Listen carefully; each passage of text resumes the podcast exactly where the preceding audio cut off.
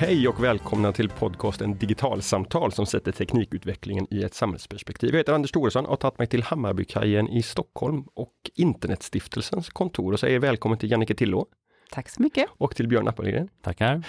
Jannike, du är chef för eran främjandeverksamhet här på stiftelsen och Björn, du är projektledare för er satsning internetkunskap. Ja, det stämmer. Kan vi inte börja Jannike med vad, vad är främjandeverksamheten för att förstå liksom det riktigt stora sammanhanget för vad vi ska prata om här idag? Ja, Internetstiftelsen är ju en oberoende affärsdriven stiftelse som tjänar sina pengar på toppdomäner.se och .nu egentligen. Så alla som har en .se eller .nu-adress eh, skickar egentligen in pengar till vår verksamhet kan man säga. Mm. Och uppdraget, eller vi styrs av en urkund som säger att vi ska återinvestera de här pengarna i internetförbättrande projekt kopplat till internet och det är forskning och det är utbildningsinsatser på olika sätt. Mm. Och där är internetkunskap en del i, i det här. Ja. ja. Och de som vill veta mer om det kan hoppa tillbaka till avsnitt 164 i februari där, där du var med Björn och pratade liksom ur ett helikopterperspektiv vad, vad internetkunskap.se äh, internetkunskap är. Mm. Mm. Precis. Eh, att jag sitter här idag igen för att prata om det här, det beror på att ni i höst har dragit igång en satsning på internetkunskap kring personlig integritet och en, en folkbildning kring vad det är i en, i en digital tid. Eh, Jannike, varför då? Varför är personlig integritet någonting eh, som, som behöver folkbildas om? Generellt så vill vi göra utbildning så att människor är kompetenta att använda internettjänster på olika sätt. Och vi har jobbat med källkritik och vi har jobbat med säkerhet. Och integritet var ett område som dök upp hela tiden och gick in i de här andra ämnena. Och integritet är ju ganska svårt på internet, för det är så många olika delar som man måste förstå. Det är ganska enkelt när vi sitter i det här rummet och pratar. Vi vet ungefär var samtalet slutar och hur många som, ja nu vet vi inte hur många som lyssnar på din podd, men vi vet vad som sägs och det finns inget, inte så mycket data som samlas in av oss på andra sätt.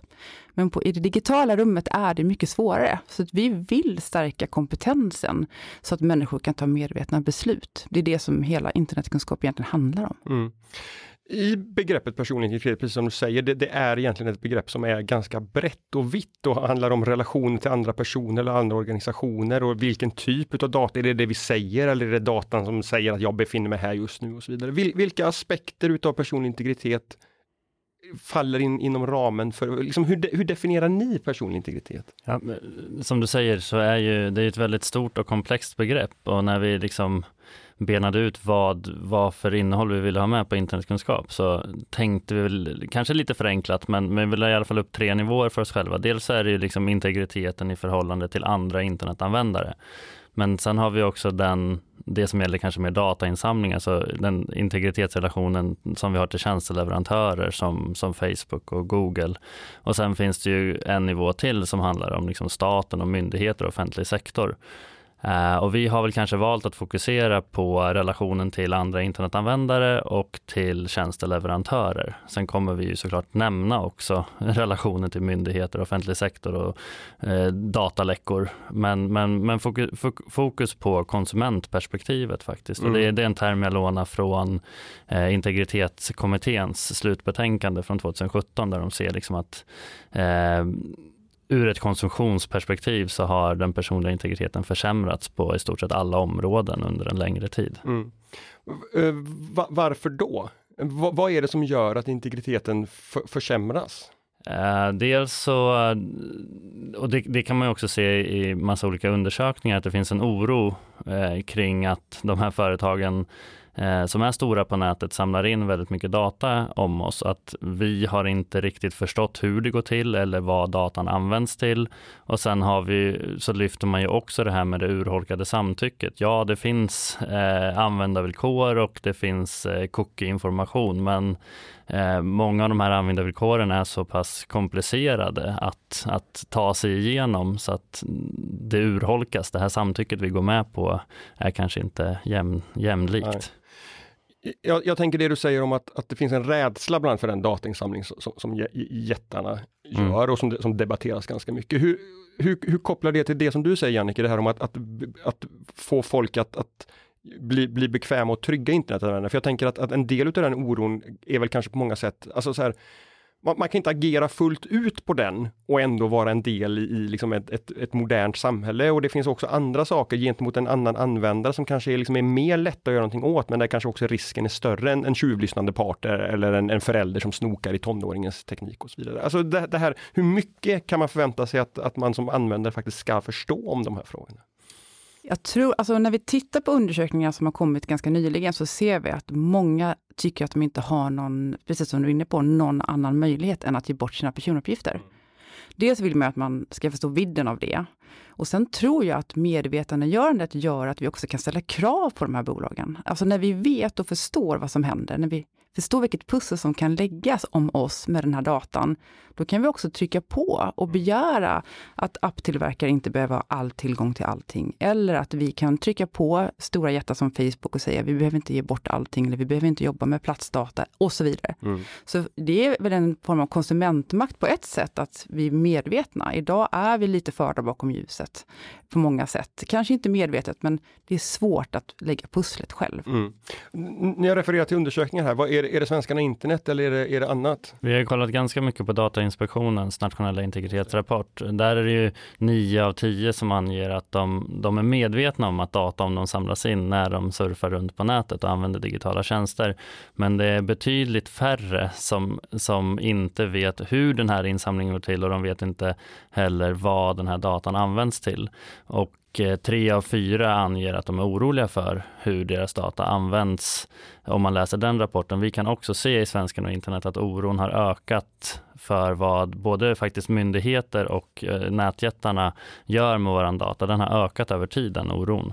Så att vi mm. försöker liksom förklara hur det här går till och medvetandegöra, alltså rent kunskapsmässigt, mm. eh, vad som händer med datan mm. också, som Jannike var inne på. Ja, just det. Eh, jag, jag tänker att, att e, en aspekt är ju precis som ni säger gentemot jättarna. En annan aspekt är gentemot ja, personer i min kollegor eller familj och, och släkt och så vidare. Och, och där, där, det som är gentemot jättarna eh, kanske är det som liksom man första hand tänker på i, i debatten just nu när man, när man pratar om, om integritet på nätet. Samtidigt som att det som som gäller gentemot andra personer i min fysiska närhet, det är faktiskt saker som är ganska lätt att göra någonting åt genom att liksom vara noga med lösenord, att välja krypterade tjänster och så vidare. Är, är, är den satsningen som ni gör, alltså, det handlar både om information kring vad som kan hända, men här finns ju också möjlighet att, att utbilda i faktiskt pra praktiskt handhavande. Hur, hur har ni resonerat kring liksom, de möjligheterna? Den frågan kommer ju alltid direkt. När man börjar prata om frågan integritet, så vad ska jag göra då? Har, jag, mm. något, har jag någon möjlighet? Har jag något val? Ja, det finns ju massa säkerhet, säkerhetsinställningar som du faktiskt kan lära dig om, som många inte känner till. Mm. Eh, så det är den, alltså, i och med att man lär sig om säkra lösenord, vilka typer av inställningar kan göra för att skydda min integritet. Man tänker lite kring platstjänster. Det finns ju ganska så här lågt hängande frukter. Och i och med att man sätter sig in i de teknikerna, de möjligheterna, så förstår man ju också, man lär sig ju mer mm. genom att faktiskt sätta sig in i det. Mm. Vad som, hur datan kan användas och vilken data som samlas in. Mm. mm. Vi, vi, försöker göra både och. Vi försöker förklara hur det går till, men också, alltså, hur datainsamling går till och, och, vilka lagar och regler som gäller. Men vi försöker också ge de verktyg som vi tror att man kanske kan klara av för att liksom sen, sen komma längre. Mm.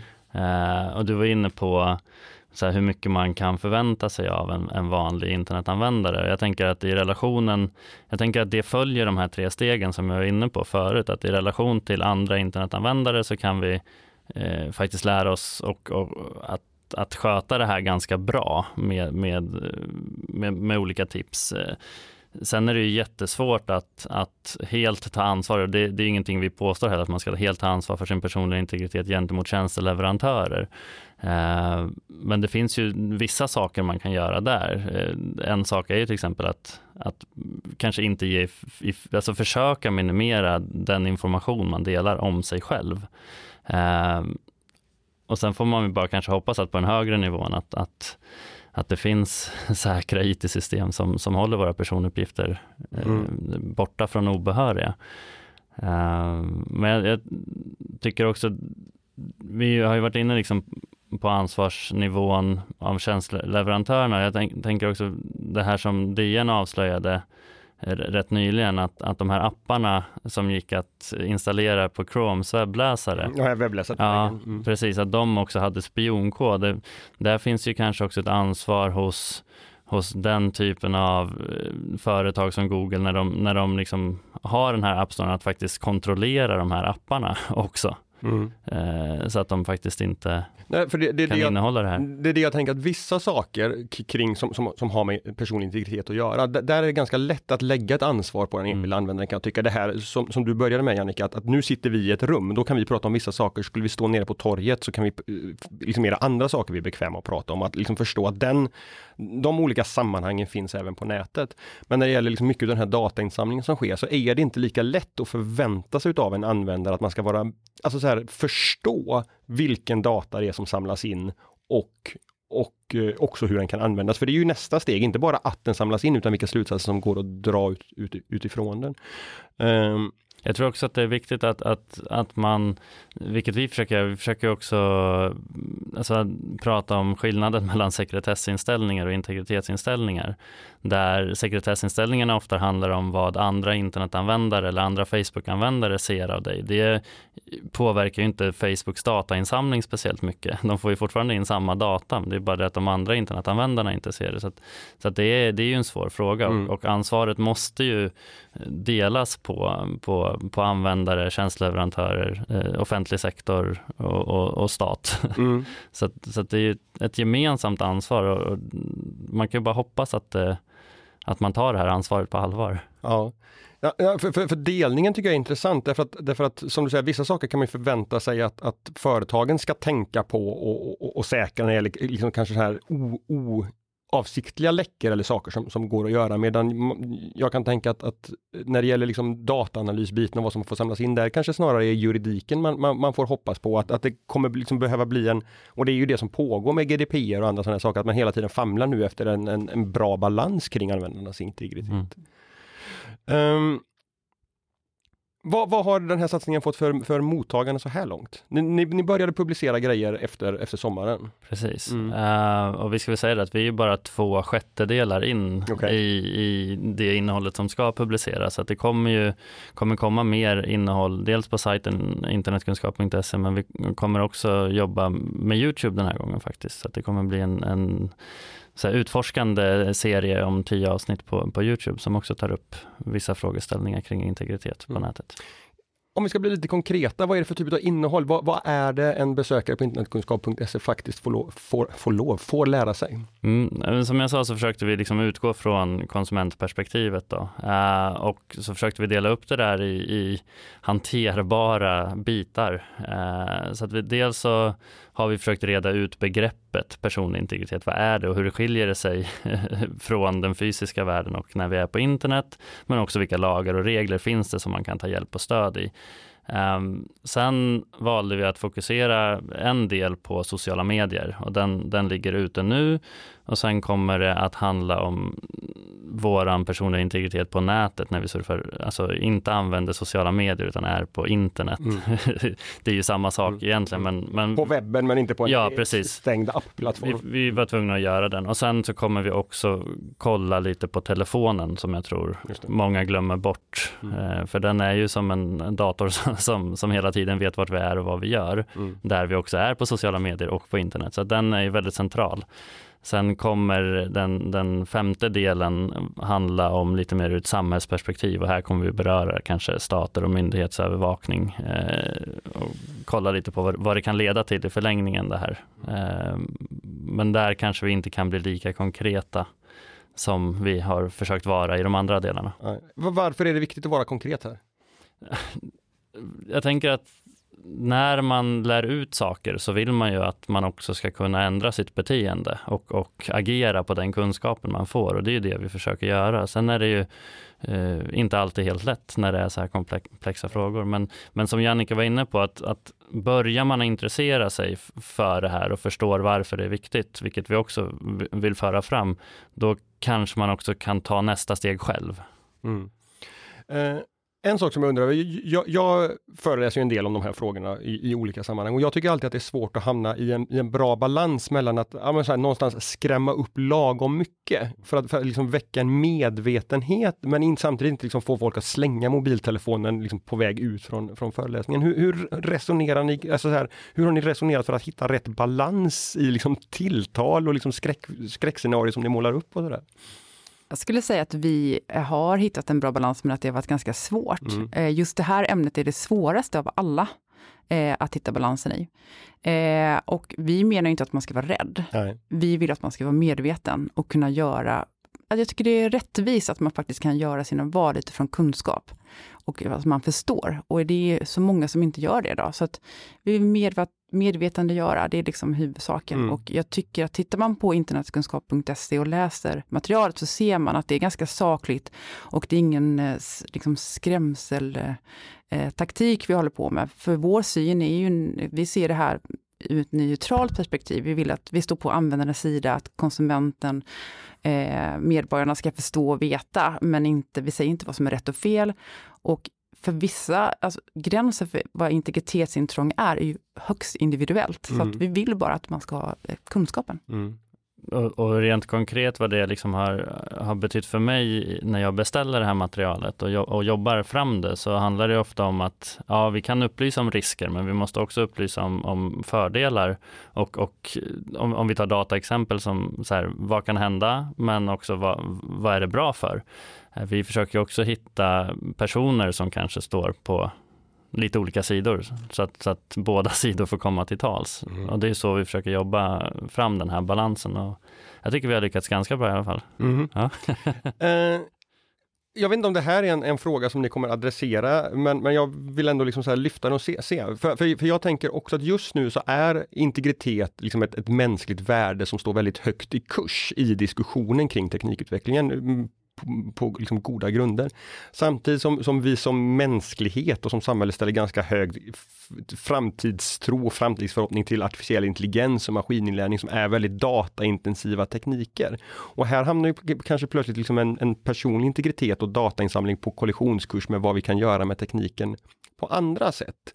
Det här liksom, vad, vad, som är en rimlig balans mellan personlig integritet och möjlighet att kanske ställa diagnoser för att vi samlar in mycket data om användare och så vidare. Är det någonting som, som internetkunskap kommer, kommer resonera kring eller har ni liksom annars ändå liksom tankar kring det så, så vore det spännande.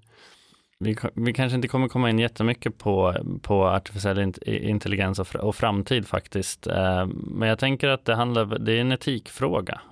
Mm. eh, vad, vad, man kan ha olika syften med den här datainsamlingen och man kan medvetandegöra den, den personen som vars data man använder. Och då, är det ju, då handlar ju liksom etiken om att inte använda det till någonting annat och, och så får man ingå det här avtalet. Men, men om det bryts, jag tänker så här, om, om man rent teoretiskt pratar, om vi pratar om Facebook till exempel som kanske sitter på extremt mycket data, att, att deras affärsmodell eh, är att sälja annonser till oss utifrån den data vi har lämnat ifrån oss. Det, det skrämmer inte mig så mycket i alla fall. Men vad händer om man byter idé? Mm. Om man vill göra någonting annat med det här i framtiden? Det är ju det som är fallet. Då har man ju brutit den här överenskommelsen och jag tänker att samma resonemang går att applicera på vad man i framtiden kan göra med mm. artificiell intelligens och, och, och, i andra syften så att säga. Så att... Vilket ju också då är en av tankarna med GDPR, det här att, att, vissa, att det ska vara tydligt med vad man samlar in mm. data för syfte och sen inte, inte använder det till någonting annat. Ehm, du sa Björn att, att eh, relationen till andra och relationer till, till näringslivet, företaget, är, är där ni kommer börja, men sen också eh, till, till det offentliga. Och där har ni en kollega, Måns Jonasson, som nyligen visade hur dåligt ställt det kan vara när han hittade säkerhetshål i, i, i skolplattformen här i Stockholm och, och kunde hämta ut väldigt integritetskänslig data. Mm. Eh, vad, vad, vad, vad, finns det för likheter och skillnader i vår relation gentemot företag och gentemot offentliga och, och stater? Eh, jag skulle säga att det viktigaste både för företagen och, och för offentlig verksamhet och myndigheter och stater, det är ju tilliten som man bygger upp. att, att vi måste kunna lita på att, att vår informationen om oss används på det sättet som de har sagt att den ska användas och att till exempel skolplattformar eller eh, vårdinrättningar har säkra system. Det är, för mig är det väldigt mycket en tillitsfråga.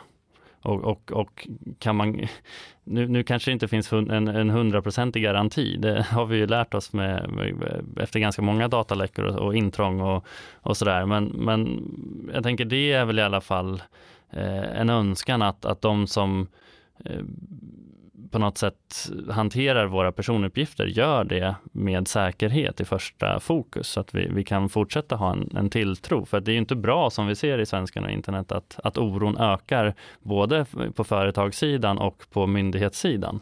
Så att, så att tilliten och säkerhetstänket är väl, är väl det som man vill slå för. Mm.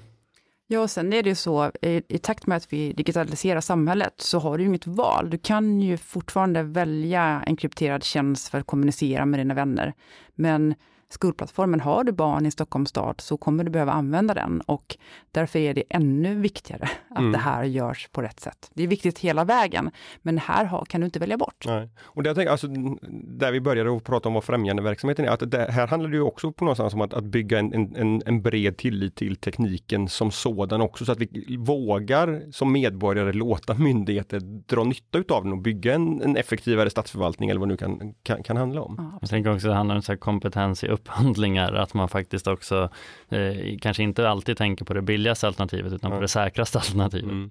Och det där är ju ett problem som har återkommit i många intervjuer som jag har gjort med säkerhetsexperter som, som konstaterar det att, att företag och andra, liksom, de, de, utvecklar nu saker som, som säljer och det, det, är sällan man säljer på bra säkerhet eller åtminstone inte varit även om det börjar kanske bli lite mer så. Mm. Och det är ju någonting som kan förändras om, om vi lyckas medvetandegöra de här frågorna som Jannike var inne på i början så kan man kanske också sätta press på, på företag och, och, och andra aktörer att, att faktiskt värna säkerheten och sätta den i första rum. Mm. Just när man går från att vara rädd till att vara medveten och därmed också kan bli en, en, en kravställande kon, konsument. Mm. Eh, du säger Björn att, att det är ett konsumentperspektiv ni har här. Mm. Det är en term som jag har lånat från integritetskommitténs ja. Eh, yes. arbete. Men, men, men, jag tänker att, att när, när, vi kommer in på det här liksom med, med, med dåliga offentliga plattformar och, så och beställarkompetens så finns det ju också där en, en kompetenshöjning som, som behöver göras ur ett beställarperspektiv. Men, men det är liksom inte en målgrupp som ni satsar på, liksom, de, de får åka med utav farten här möjligen? Då. Inte inom ramen för internetkunskap.se utan här har vi ju den, alltså den vanliga internetanvändaren, den vanliga vuxna ska jag säga, internetanvändaren mm. i, i fokus. Varför är vuxen en viktig sak att, att lägga till? Där? Hela, hela projektet eh, internetkunskap bottnar från början i det här digitala kompetensramverket som EU har tagit fram där det finns fem nyckelkompetenser varav säkerhet och integritet är en, information och kommunikation är en annan och problemlösningar är en femte. Um, och eh, anledningen till att jag säger vuxna är att vi gör ju också eh, utbildningsmaterial. Vi har en lärresurs som heter digitallektioner.se som riktar sig till skolan och då ska motsvara de skrivelserna i styrdokumenten om programmering och digital kompetens. Så att där har vi liksom lite delat upp det för att också hitta en, en form som fungerar. Det, det är inte riktigt samma sak att nå ut till lärare och skola som det är att nå ut till alla. Hur, hur, gör ni för att nå ut med den här typen av material så att ni når de som, som behöver förstå och lära sig? Vi möter målgruppen där de finns. Så vi jobbar väldigt mycket med sociala medier. Vi jobbar väldigt mycket med Facebook där just den här målgruppen finns. Eh, vi jobbar med Instagram och vi kommer jobba med Youtube. Eh, och vi gör så här att vi vill att varje möte med oss ska ge någon typ av kunskap eller någon typ av ögonöppnare. Och sen hoppas vi att man då tar sig vidare till sajten och läser mer. Men så varje möte på sociala medier handlar om det är listor, det är filmer, det är att jag, jag börjar tänka, jag kan läsa vidare. Eh, så att eh, vi sprider ut, vi brukar säga att vi, förr gjorde vi guider. Mm. Nu har vi klippt sönder guiderna och så har vi kastat ut dem över internet eller över sociala medier och varje bit ger någon typ av kunskap. Mm. Se, ser ni det att de som hittar någonting att, att de faktiskt också liksom letar sig vidare på sajten och, och, och läser och, och, tittar på mer? Ja, det gör vi absolut. Eh, vi ser också att eh, man tittar färdigt på ganska hyfsat långa filmer som är ovanligt i, idag i sociala medier. Vi är ganska snuttifierade. Mm. Så det är mycket delning, mycket dialog och mycket diskussion. Mm. Så att vi, eh, på så sätt mäter vi satsningen mm. Eh, genom alla delarna. Mm.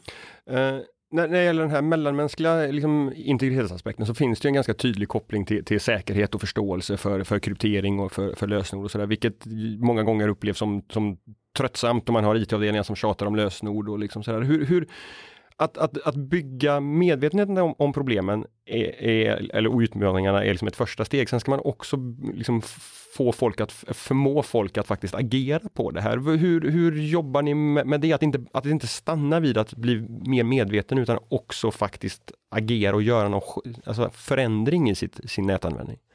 Det är att vi bygger materialet på så sätt att först är det ögonöppnare, jag ska bli intresserad, det här är någonting jag borde tänka på. Många av de här sakerna tycker ju folk är tråkigt. De tänker inte lösenord, ja det löser sig på något sätt. Mm. Men så det, det är medvetandegöra ett steg ett. Och sen är det ju att materialet också innehåller konkreta tips på hur du kan göra, mm. så du kan lära dig. Mm. Vi, vi har ju också försökt att inte börja på en all, alltför liksom svårbegriplig nivå, utan man börjar där, där det är ganska lätt att, att faktiskt lära sig att göra det som, som, som man bör göra och, och, och sen ska man ta sig vidare. Liksom. Mm. Och en av de första texterna som jag trillade in på i alla fall handlar just om det här där vi började idag också, att vad är egentligen personlig integritet överhuvudtaget? Att, att inte hamna i det som ett paraplybegrepp för att då blir det ganska diffust och, mm. och, och ja, svårt att nästla i. Liksom. Mm.